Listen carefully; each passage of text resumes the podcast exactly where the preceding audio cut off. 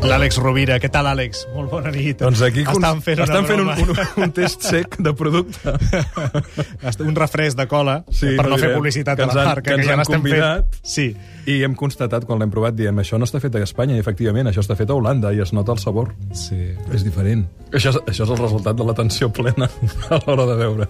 Avui volíem parlar precisament de l'atenció plena amb l'Àlex, que més d'una vegada ens ha dit en aquest programa que és la seva forma per excel·lència de meditació, que la cultiva, intenta cultivar-la cada dia, en cada moment, mm. i que, en el fons, forma part, Àlex, d'un entrenament, d'un treball. És un hàbit, és un hàbit, i de vegades hi ha moltes formes de meditació, però probablement la...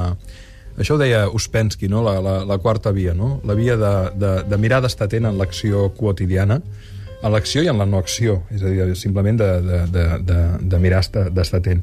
I mm, només fer una reflexió molt breu com a punt del bloc de notes, i és que hi ha vegades que les persones que s'inicien en el món de la meditació o en la pràctica de l'atenció plena diuen, i més o menys quan s'instal·la aquest estat de...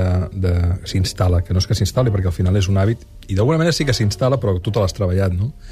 I surt lo, el responc sempre lo de la regla, de les, la regla dels 10.000 hores. Jo vaig començar amb la pràctica de l'atenció plena, amb l'intent de la pràctica, eh, quan tenia 12 anys, arrel d'una lectura del llibre de l'Antoni Blai Fontcoberta, La personalitat creadora, i, i és una pràctica contínua, contínua, cada dia, en cada moment, quan notes cada cau, tornem-hi, observar-te, fer de testimoni de tu mateix, fins i tot quan te'n vas a dormir, fins i tot quan estàs dormint a través de, del, del somni lúcid, durant el dia, quan estàs cansat, quan estàs malalt, quan estàs atabalat, quants més estímuls millor mirar de, de situar-te. I certament, um, quants anys es necessiten per incorporar una habilitat tècnica no? per estudiar una carrera i ser un bon professional? Doncs uns 10 anys de pràctica, amb un estudi de 6 o 7 hores al dia, amb una pràctica de bueno, o 7 o 8 hores al dia. No? I per dominar un instrument el mateix, i un, i un esport, eh, un art marcial, per exemple, no? per tenir un grau de mestre, és més o menys, són 10 anys d'una pràctica intensiva. Amb l'atenció plena passa exactament el mateix. El que passa que els beneficis que et dona són extraordinaris, no? eh, pel que fa a la introspecció, a conèixer de tu mateix, pel que fa a l'hora d'estar... I això podríem lligar, lligar amb lo de la visualització de l'altre dia, no? a l'hora de estar molt més obert als estímuls, a l'hora de desenvol- de desenvolupar la intuïció, la memòria, la capacitat de retenció i la memòria, a l'hora de desenvolupar el pensament sistèmic, relacional, que et permeti passar de diferents categories de pensament. Penso que la pràctica de l'atenció plena, i ara mateix no recordo mm, quina era la font, però vaig llegir un article, no sé si era el Scientific American, que parlava de que realment, però disculpeu-me perquè ara en aquest moment m'ha vingut al cap, però juraria que era amb, un, amb un número que es va fer de, de, de l'antiga revista que es deia Investigació i Ciència, del Scientific American, la traducció al castellà, que deia que quan s'havia estudiat el cervell de les persones que, que feien una pràctica de feia anys d'atenció plena, tenien una, una, diguéssim, una, una activitat molt més gran que en el cas de que no, no s'hagi produït. No?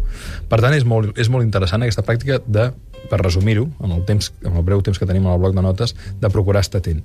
I si tinguéssim que recomanar alguna bi- bibliografia interessant, jo diria que tots els llibres de l'Antoni Blai Fontcoberta, del qual hem parlat moltes vegades i n'esperem i desitgem parlar moltes més, ens donen moltes pistes i portes sobre eh, diferents mètodes de practicar-la. Ja ho saben, doncs, els oients que hi estiguin interessats.